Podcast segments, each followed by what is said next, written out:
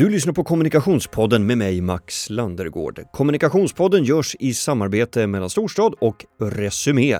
Och den här podden är till för dig som inte vill sluta lära dig. Innan vi drar igång veckans avsnitt så vill jag berätta om en spännande sponsor. MG Studio är en stolt sponsor av Kommunikationspodden. MG Studio bedriver utbildningar för dig som vill komma vidare. Kommunikation, ledarskap, storytelling, företagande och affärer. MG Studio är rebeller. De bjuder in dig till skogen. Alla kurser kommer delvis ges i skärmfria miljöer med naturen, samtalet, mötet i fokus som en källa till att ge kunskap för den skapande människan. Så sätt på dig fotriktiga skor och gå in på MG Studio. Ja, alltså du behöver inte skor för att gå in på sidan, men ja. Jag kommer också hålla en kurs där under hösten. Vilken? Ja, det får du se om du besöker mgstudio.nu. mgstudio.nu, alltså Martin Gustav, mgstudio.nu. Vi ses där förhoppningsvis.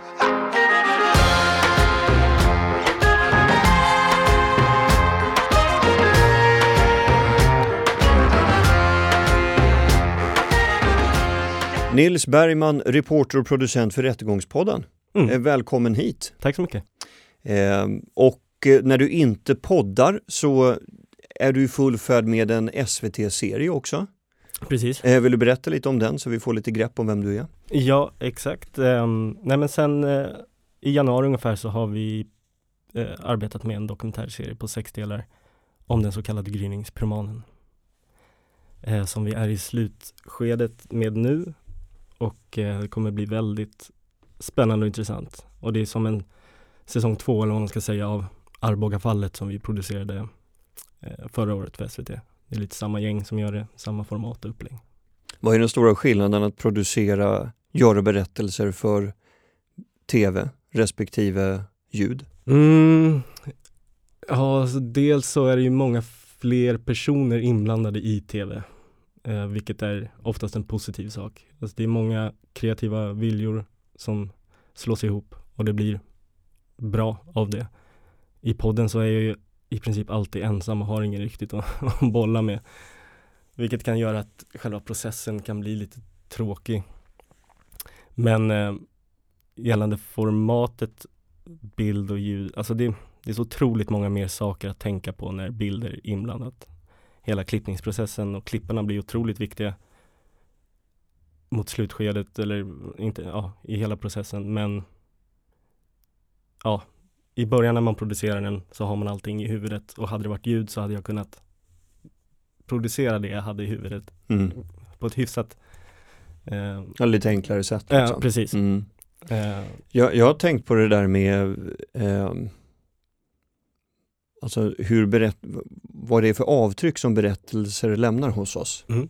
Och eh, där, det här är bara en lekmannamässig teori, men alltså det känns inte som att ljud och bild lämnar ungefär samma avtryck. Alltså att man, man påverkas på samma sätt känslomässigt, så länge det är en bra historia. Mm. Och då har jag tänkt att te tv idag, när du har så mycket andra verktyg för att kunna skapa berättelser. Eh, du har AI-drivna motorer som kan klippa filmer åt dig. Eh, du konsumerar film på ett helt annat sätt. Eh, istället för att liksom stå i kö i tre månader för att ens få komma in på kvarterets bio så är det ju liksom helt annat idag. Mm. Men det krävs fortfarande ett väldigt stort arbete. Mm. Så att insatsen är fortfarande väldigt stor för rörlig bild. Mm. Men att man konsumerar det mycket mer lättvindigt. Mm. Kan inte det, alltså det är därför jag kan tänka att eh, det känns liksom skönare med, eh, med ljud eftersom man insatsen är, är liksom, den står i paritet med konsumtionen Mm. på något sätt. Nej men verkligen. Det är, mycket, det är väldigt mycket enklare med att eh, bara arbeta med ljud och jag tror att det är som du säger att berättelserna lämnar ungefär samma avtryck. Men med ljud och en podd och en true crime podd så tror jag att lyssnaren skapar sina egna bilder över vad som har hänt.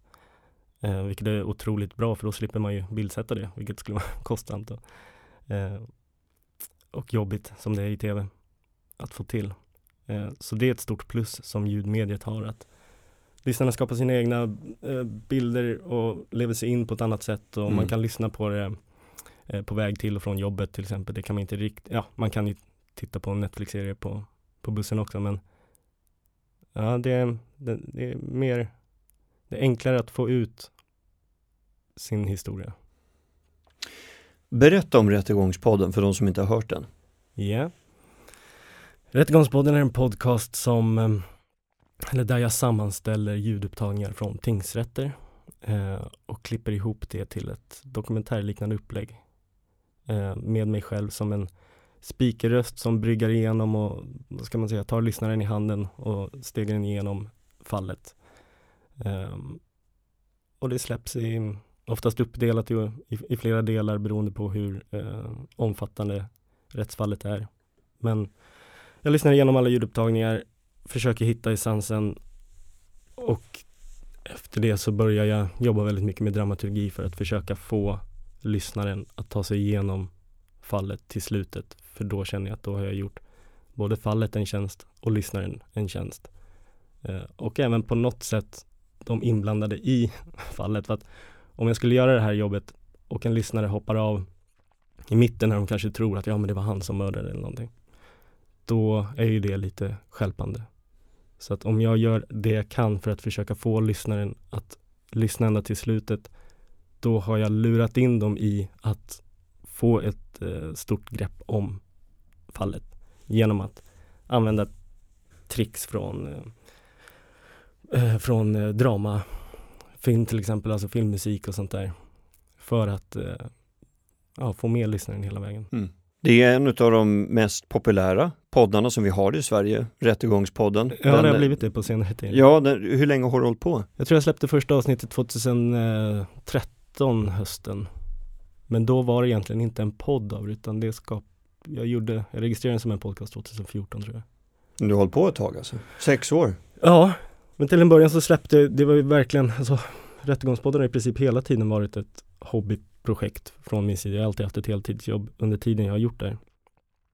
Så i början så, den skapades av ren fascination för ett speciellt eh, eh, rättsfall Mm. som handlar om några kidnappare eh, från Uppsala, eller från Linköping som kidnappade en Uppsala student. Just det, det som de gjorde en spelfilm om för bara något år sedan. Exakt, som Just inte gick det. så bra tror jag, tyvärr. Mm. Vadå, gick inte filmen bra? Nej, Den gick lika bra som eh, eh, liksom kidnappningsförsöket? eller? Jag hörde ett rykte att 700 personer såg den på bio, det är nog lite jobbigt för regissören. Varför tror du att det, jag menar för det, det är ett spektakulärt eh, brott. Mm, ja, jag vet Varför inte. gick filmen så dåligt va? Ingen aning. Jag har inte sett den själv. Nej, ja, du ser. Ja. Vad var det som gjorde att du inte ville se den då? Du som är så rättegångsintresserad. Eh, ja, nej men jag känner mig ganska klar med den. Alltså jag, har, jag skulle kunna ha sett den men ehm, nej, jag kände att jag, jag hade min bild av den, av det rättsfallet i huvudet. Det här är ju något som du själv sa, du gör det på fritiden. Vad jobbar du med annars då? Vad drar du in kulorna på? Under hela de här sex åren så har jag jobbat främst ehm, på efterbearbetningssidan på ett eh, produktionsbolag som heter Filmlans eh, som producerar eh, dramaserier som Bron och eh, Beck. Mm. Vi jobbar även med Vår tid är nu och sådär. Just det. Eh, och lite långfilmer.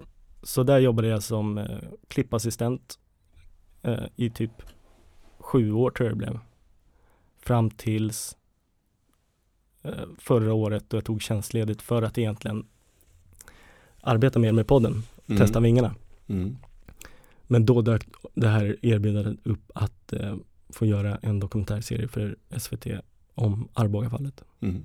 Så då blev det det i princip ja, större delen av förra året som jag jobbade med. Och sen så nu hoppade vi på det igen och gör en säsong två. Så jag har som aldrig riktigt fått arbeta med podden på heltid under Mm. en längre period. Okej, du hade ett case som skapade ett engagemang hos dig 2013, men varför har du valt att fortsätta göra poddar om brott? Vad är det som fascinerar dig? Ja, nej men det var som en eh, dörr som öppnades där när jag eh, började med det här eh, Uppsala kidnapparna. Då skulle jag egentligen skriva ett eh, filmmanus om det, hade jag tänkt. I och med att jag hade gått en eh, filmmanus och filmdramaturgiutbildning innan. Så tänkte jag, men det här fallet är så speciellt att det här ska jag göra en, eh, eh, ett filmmanus av. Eh, och då begärde jag ut alla ljudupptagningar från det fallet, från tingsrätten och började lyssna igenom. Och då tänkte jag att oj, det här var någonting nytt som jag inte riktigt hade hört innan. Um, det var en väldigt rå och ärlig berättelse på något sätt att höra dem uh, från liksom kärnan av, av det här fallet. Alltså de inblandade själva berätta om vad som har hänt. Så då tänkte jag att ja men jag, jag är en stort fan av Peter Dokumentär så det var väl det som var min största inspiration till en början. Att, ja, men när jag lyssnade igenom allt så tänkte jag att jag skulle kunna klippa någonting som liknar det utifrån det här. Eh, hur etiskt det är hade jag inte någon aning om då. Men jag tänkte, ah, jag gör det för mig själv och släpper in någon Flashback-tråd för det här fallet som jag vet att ja, men de kommer tycka om det. Um, och efter det så började folk uh, skriva att ja, men gör fler avsnitt om andra fall. Mm. Är det största distributionskanalen Flashback? Nej, det är det nog inte, men det var det då för att jag läste just mycket om just det fallet på den eh, och den tråden var väldigt stor, det var, hade eh, miljoner eh, visningar. Mm. Så där släppte jag en Soundcloud-länk mm. med ett avsnitt och då hette den inte, då hette den inte Rättegångspodden, utan det kom senare. Mm. Um, och sen så började jag göra fler och fler fall för att jag tyckte att det var så intressant att lyssna på just djurupptagningarna. Inte att jag var intresserad av juridiken bakom. Det växte jag in i senare och är en lite större del av podden nu än vad det var från början. Från början var det egentligen bara att berätta storyn. Vilket det stor, till stor del är fortfarande. Det är det jag brinner för. Eh, liksom dramaturgin och storytelling.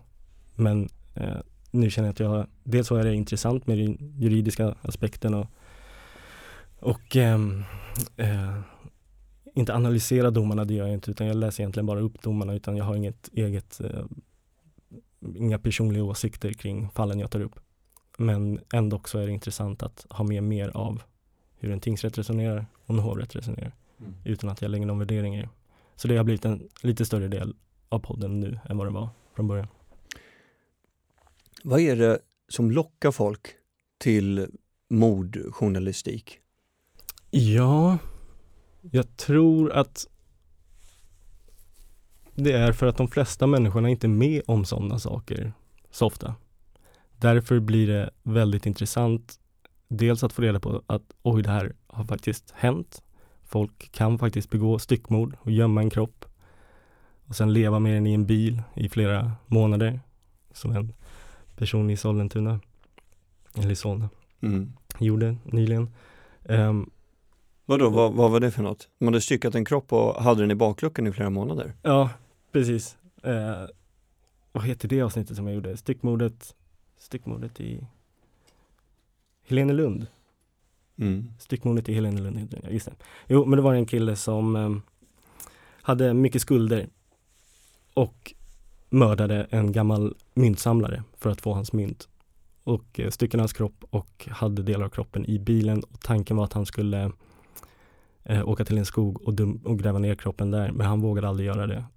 Så han uh, hade kroppen i bilen med en massa Wonderbaums samtidigt som han tog hand om sin sitt nyfödda barn och eh, sin fru och levde ett familjeliv. Och så varje dag så åkte han och flyttade runt den här bilen på olika ställen för att inte folk skulle känna av lukten. Mm -hmm. Så väldigt, eh, väldigt annorlunda. Och han var typ i vår ålder då eller? 30? Ja, han var nog 38 kanske tror jag eller någonting. Mm um, väl, ja. Och det tycker jag är intressant med sånt att, eller dels så tror jag att folk fascineras och förfasas över sådana händelser. Men när man till exempel börjar gräva i det eller lyssnar på eh, Rättegångspodden där jag har grävt i det åt någon så vecklas ju ut, så vecklas ju historien ut på det sättet att man börjar förstå varför det har skett. Som att man förstår att den här killen var djupt skuld, skuldsatt. Eh, det, eh, det gör inte det befogat att han ska mörda någon men eh, man skapar en större förståelse för hur brottet uppkom. Eh, men som svar på din fråga varför man tycker att eh, mordjournalistik är intressant, det är nog för att man inte är med om det och man tycker att det är intressant att få en inblick i det. Och sen den här andra aspekten att när man börjar gräva i det och ser en dokumentärfilm som till exempel Making a Murder eller någonting så blir man kanske sin egen domare på något sätt. Man får, man tycker sig själv få ett, så, få ett bra grepp om fallet. Och så kan man tänka att ja men den här killen är oskyldigt dömd. Det finns kanske ingenting man kan göra åt det men man känner i alla fall att ja men vad bra att jag vet mer om det här. Eh, det är svårt att förklara men jag tror att man går igång på att man um, förstår hur en tingsrätt har resonerat och en hovrätt resonerat men att man själv vet att ja men så där gick det till och så börjar man prata med sina kompisar, hur tror du det gick till sen? Kanske någon säger att nej men hovrättens dom ska ju stå fast, i, ja, den här personen är oskyldig. Vad har det här gjort med dig? Vilken person är du nu jämfört med när du var bara Nils, klippassistent på Filmlons och inte podderfaren? Eh, den största skillnaden är nog att jag känner att jag har fått utlopp från, för min eh, kreativa sida. Det var lite det som, eh, det var därför jag pluggade filmmanus. För att jag ville skapa berättelser. Eh, och sen så satt jag på det där jobbet som jag inte vantrivdes eh, i alls. Men det var inte så kreativt. Och när podden, när jag skapade podden så kände jag att jag kunde nå ut med eh, inom citationstecken mina berättelser. Det är inte mina. Men jag återberättar dem och det var det som var tanken också med de här eh, Uppsala-kidnapparna. Att jag vill inte, när jag hade lyssnat på det där så vill inte jag bara sitta på det själv utan den instinktiva tanken var att jag måste sprida det här vidare till, till folk som så det här, jag tycker att det här är jätteintressant. Det måste finnas någon där ute som också gör det. Så det är väl det som um, Men hur, hur, har din syn på mänskligheten påverkats? I början så blev jag väl mycket mer um, personligt engagerad i fallen. Ganska tidigt så tog jag upp ett fall som, ett, som jag döpte till Fan och hans morsa, miljonbedragarna. Om en son och hans mor som bedrar folk i der, äh, deras närhet på miljoner kronor och de flesta var väldigt gamla, 70-80 år, det var hela deras pension som rök. Och att höra dem sitta och gråta i rättssalen att de har blivit av med hus och hem eh, och det finns ingen chans att de får tillbaka pengarna någonsin. Där satt jag i mitt kök och klippte det och eh, började gråta och min tjej sa så här, mår du verkligen bra av att göra den här podden? Jag bara, jo, jo, men alltså jag gråter för att det, det blir bra det här. Alltså, jag gör... Det är bra content! Ja, men, ja, men exakt. Eh, så, men sen så... Kreatörens välsignelse och förbannelse. Exakt.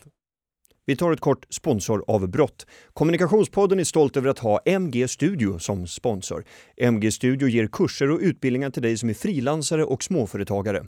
Höstens kurser är bland annat När det skiter sig, en studie i allt som kan gå fel när du är småföretagare. Vi har entreprenör och förälder, går det ihop? En kurs i hur du ska tänka för att få balans i livet erfarna kursledare och snabba lokaler i Gamla stan. Super fresh, super easy och det är kunskap som kommer få ditt företag att gå bättre och dig att våga mer, förhoppningsvis. mgstudio.nu, du hörde rätt, anmäl dig till kurserna på mgstudio.nu. Nu fortsätter avsnittet. Hur många lyssnar på podden? Nu, den här sommaren så har det varit väldigt många lyssningar. Jag tror att jag släppte eh, tre avsnitt om den influensen Abbe Blattelito. Mm. Som eh, misstänktes ha mördat sin flickvän men friades i hovrätten. Och det blev dels för att det fallet var väldigt uppmärksammat sen innan. Men eh, jag tror att de, alltså på något, på 12 timmar hade jag 100 000 lyssningar på dem, på ett av de avsnitten. Mm. Så så många som lyssnar på podden, det är väl Ja, det är några hundratusen i veckan i snitt kanske. Men du har inte reklam? Nej. Varför inte då? Jag gillar inte reklam. Okej. Okay. Men du, då får du inga intäkter? Nej, i början så hade jag inga intäkter eh, via podden, det stämmer. Och eh, Tjänar du några pengar på den idag? Ja, nu gör jag det. När jag har anknutit mig till en podcastplattform som heter Podme där, jag, eh, där folk kan prenumerera på eh, Rättegångspodden och därav få tillgång till eh, ett extra eh, material eller ett, ett extra avsnitt i månaden som är låst till de som har den podden. Samt att de får tillgång till förhandslyssning de gångerna jag släpper en serie på två eller tre delar. Mm. Så får de lyssna på allting samtidigt. Mm. Och det tycker jag är jättehärligt för att då är det lyssnarna själva som betalar för det de vill ha istället för att det går via McDonalds. Mm. Och jag vill inte göra reklam för McDonalds. Ehm, så det är lite så. Men då, då, då går du på ett ut, då får du liksom betalt för tiden du lägger ner eller? Mm, absolut. Nu, Podme har inte funnits så länge, men sen de startade så var det första gången jag började tjäna eh, pengar på riktigt. Jag har haft en sponsor sedan tidigare som också är en samarbetspartner och det är Lexbase. Den här, ehm, Det är de som publicerar uh, rättegångshandlingar va? som gör det sökbart, exakt.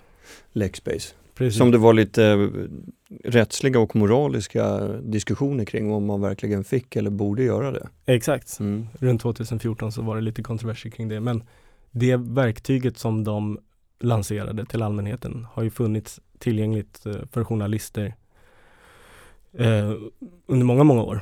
Bara det att det var låst till journalister. Mm. När Lexbase kom på att ja, men vi, kunde, vi, vi kan ha samma databas fast göra det tillgängligt till allmänheten.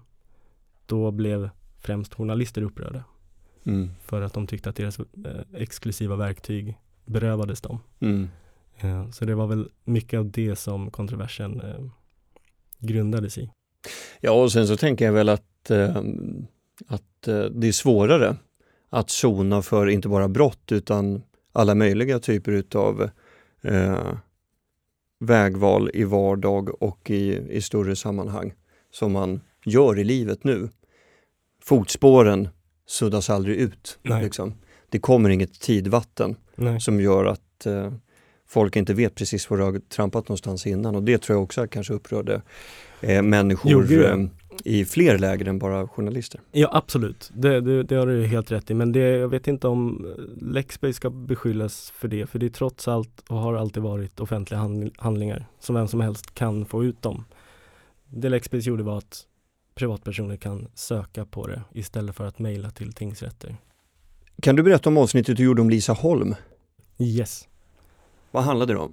Jo, eh, Lisa Holm var en ung tjej som försvann plötsligt en eh, sen kväll från ett café som hon jobbade på i Kinnekulle i Blomberg i juni 2015. Och eh, hennes föräldrar blir oroliga, det var lite hennes första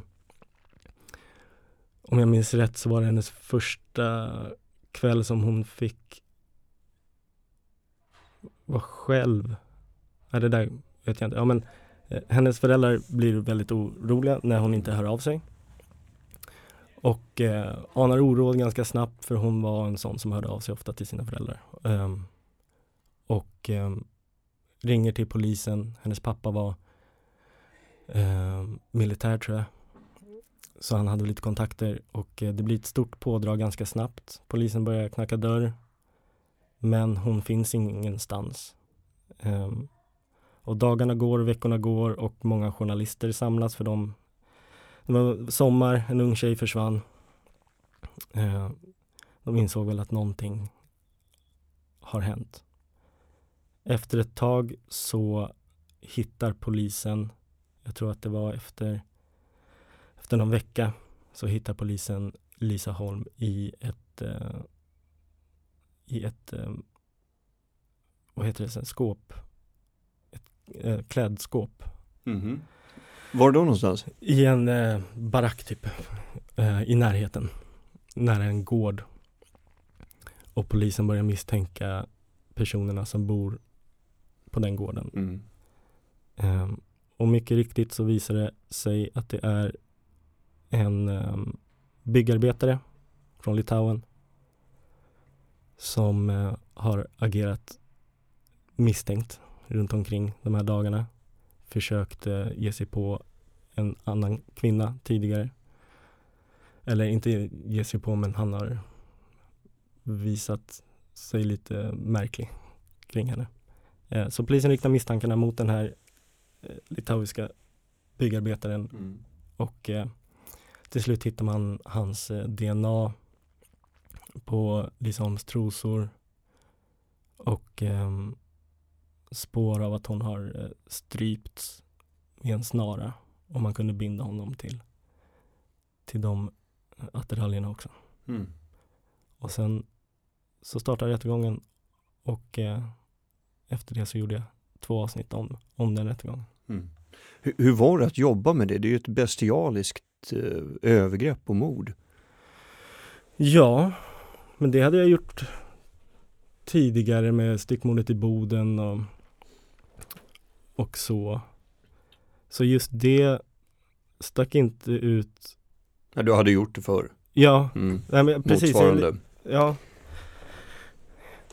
Jag Mm. tänker bara, det, avsnittet, det, det fick ju också ganska mycket uppmärksamhet. Eh, det publicerades två år, om jag inte minns fel, efter hennes död. Och jag tänker bara rent etiskt, när är det okej i tid efter avslutad rättsprocess att producera ett avsnitt om det? ja, det finns nog ingen Jag tänker på anhörig, där. nej, jag tänker på anhörigperspektivet, alltså Ja, mamma och pappa kände om det och så. ja, precis. Det är såklart saker jag tänker på.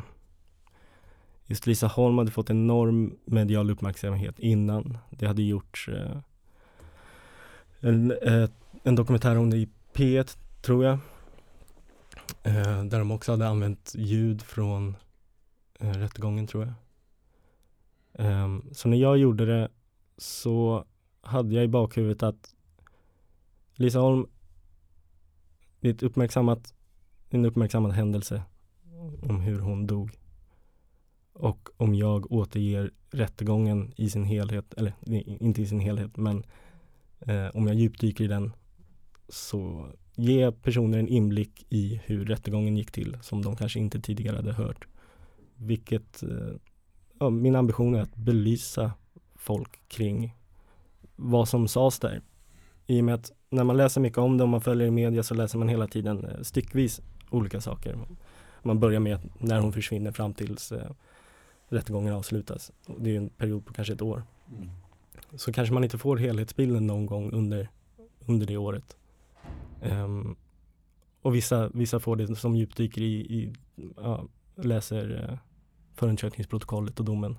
Men det är inte alla som gör. Så om jag då sätter tänderna i, i eh, hela tingsrättsprocessen eller rättegångsprocessen så tycker jag att jag gör folk en, eh, en liten tjänst. Men Alltså att göra informationen sammanhållen och tillgänglig för dem. precis, för de som vill ta del av den. Mm.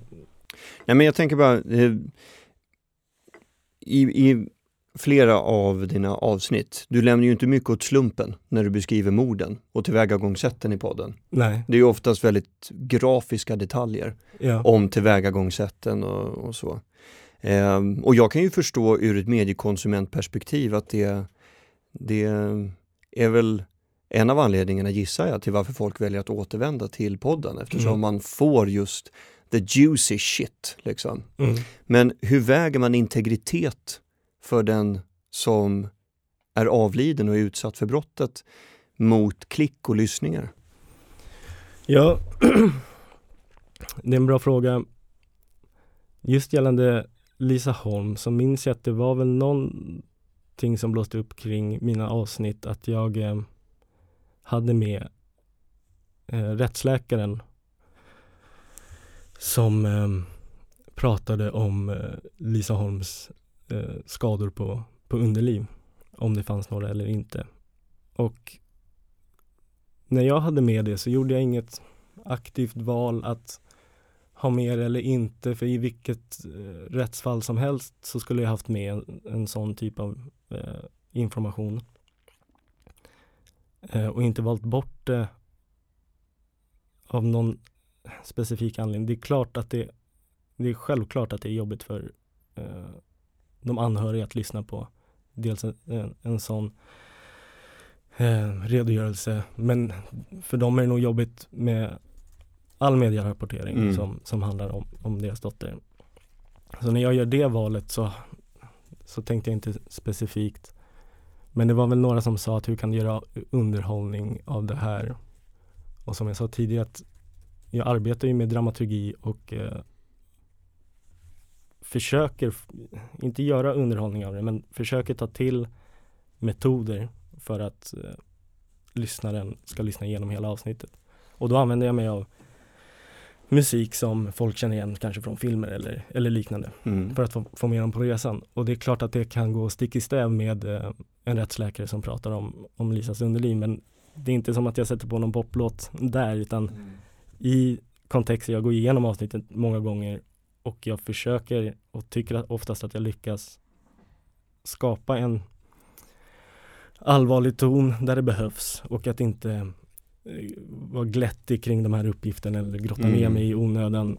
Och det ska ju vara sagt också att det är lätt när man pratar om det så här att det kan framstå som att jag sitter i podden, för de som inte har hört den, och spekulerar och pratar om, om eh, rättsläkarens fynd. Men det gör jag inte utan jag säger i princip att det här är rättsläkaren, nu hör vi honom. Mm.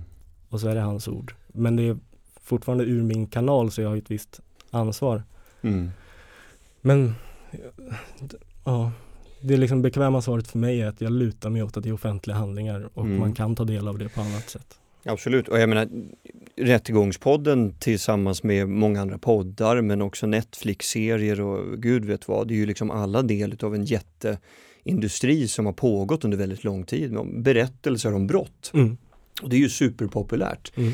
Jag, bara, alltså det, jag är bara nyfiken liksom att eh, i byggandet av berättelsen, liksom, eh, det som vi återkommer till ofta.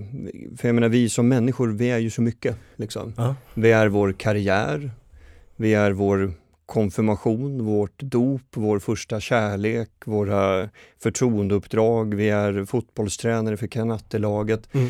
Vi är ju många berättelser Mm. och vi vill ju gärna bygga narrativet kring oss själva och även om de som vi står nära. Mm. Och när man då faller offer för ett brott, då deltar ju du i att berätta den sista berättelsen Mm. om en människa.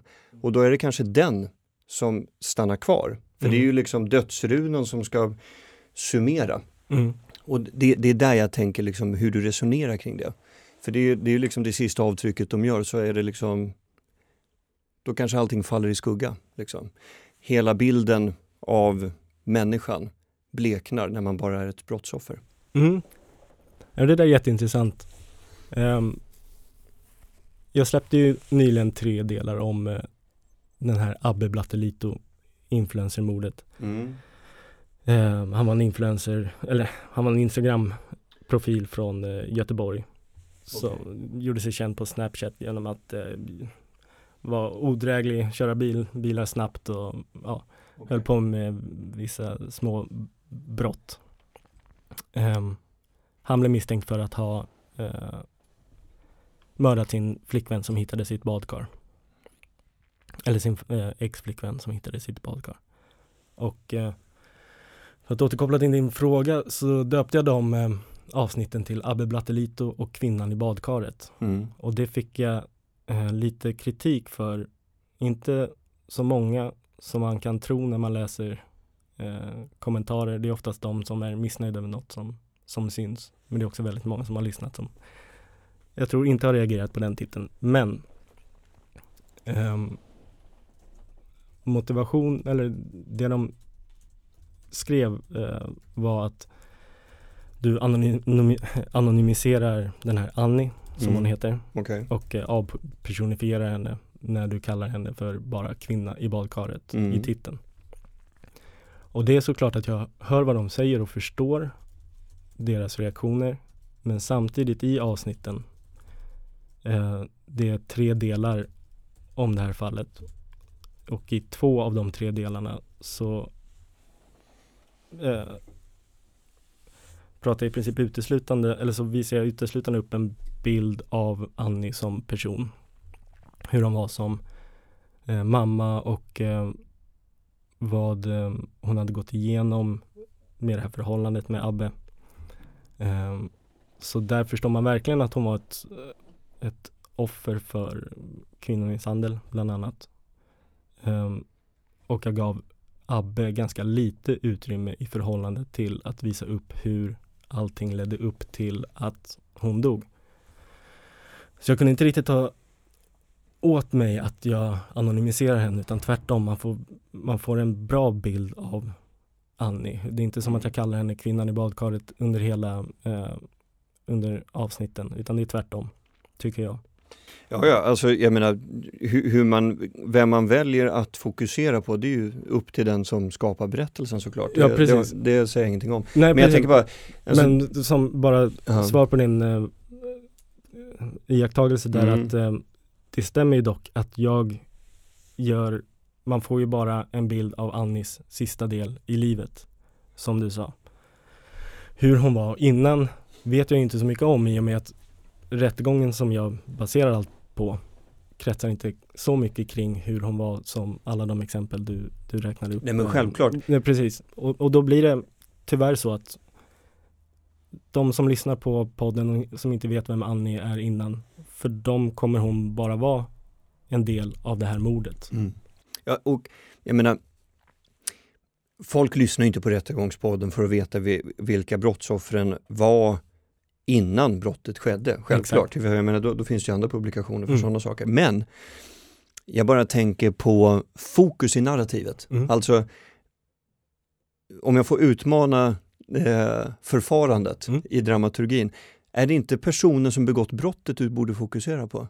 Alltså den som har gjort den aktiva handlingen, som har skapat kaoset, som har mördat eller motsvarande. Mm. Den som har begått den aktiva handlingen, det är den som får vara den som står till svars och blir tillskriven berättelsen om ett brott och inte offret som har varit passiv Mm. och bara utsatts.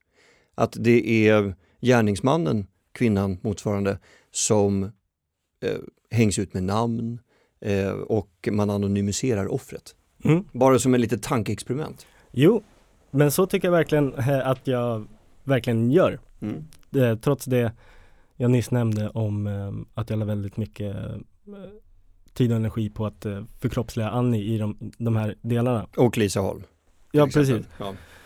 Men så som jag jobbar mycket med dramaturgin eh, Det är precis som du säger att det är, det är gärningsmannen som ska stå till svars Och det gör det alltid Bara det att jag eh, väntar med den karamellen om man får uttrycka sig så eh, För att som jag tagit med mig när jag studerade filmdramaturgi bland annat det är att det bästa sättet att att um, få folk att vilja lyssna igenom det är att skapa nyfikenhet kring en person. Och det jag, skap, jag försöker skapa väldigt mycket nyfikenhet kring gärningsmannen. Eh, genom att eh, genom att inleda berättelsen med att höra vittnen och till exempel ibland anhöriga berätta om den här personen. Och det gör jag även med eh, Abbe Blattelito och kvinnan i badkaret. Att det dröjer väldigt lång tid innan Abbe i del 3 får stå till svars för allting som, tack, som eh, han är åtalad för. Mm. Men för att ta sig dit så har jag eh, haft personer som har pratat om honom och om brottet och hur de har upplevt vissa eh, händelser och situationer.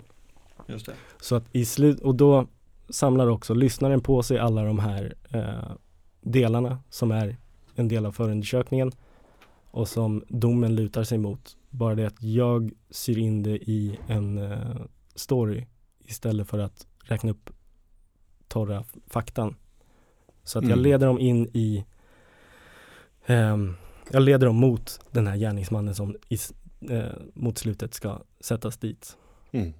Och nu så har du ju liksom fått en plats som rättegångsreporter Mm. också i de etablerade medierna. Vad, vad tror du att det här kommer liksom leda till? Vad, vad, är, vad kommer det ta vägen om du själv fick bestämma eller vad du, vad du tror? Om du får sätta en prognos. Ja, men som jag sa tidigare så har jag ju alltid jobbat så mycket under tiden jag producerat det här och när jag väl skulle ta lite tjänstledigt för att eh, satsa mer på det så fick jag ett annat uppdrag. Så jag som aldrig riktigt haft tiden att sätta mig ner och, och, och eh, sätta en prognos på vad som kommer hända i framtiden. Men det jag vet är att eh, i takt med att podden växer så tycker jag också det är roligare att eh, producera den och jag vet att jag kan göra den bättre som, eh, om, om jag får mer tid på mig. Ehm, så det är väl det som eh, är nu i framtiden. Ehm, jag kommer jobba någon månad till med den här SVT-dokumentären. Mm. Sen har jag inga andra uppdrag eh, på schemat förutom Rättegångspodden och då tar jag den nog, försöker ta den till en ny nivå. Exakt vad det innebär vet jag inte, men de lyssnarna verkar nöjda med formatet och jag är ganska nöjd med formatet. Men med lite hjälp, jag har ju oftast gjort allting själv. Inte för att jag är någon eh, kontrollfreak, utan det är bara, det har varit svårt att, eh, att ge uppgifter åt andra som skulle vara, eh, som skulle underlätta för mig. Så det har blivit att jag gör allt själv från ax till vete.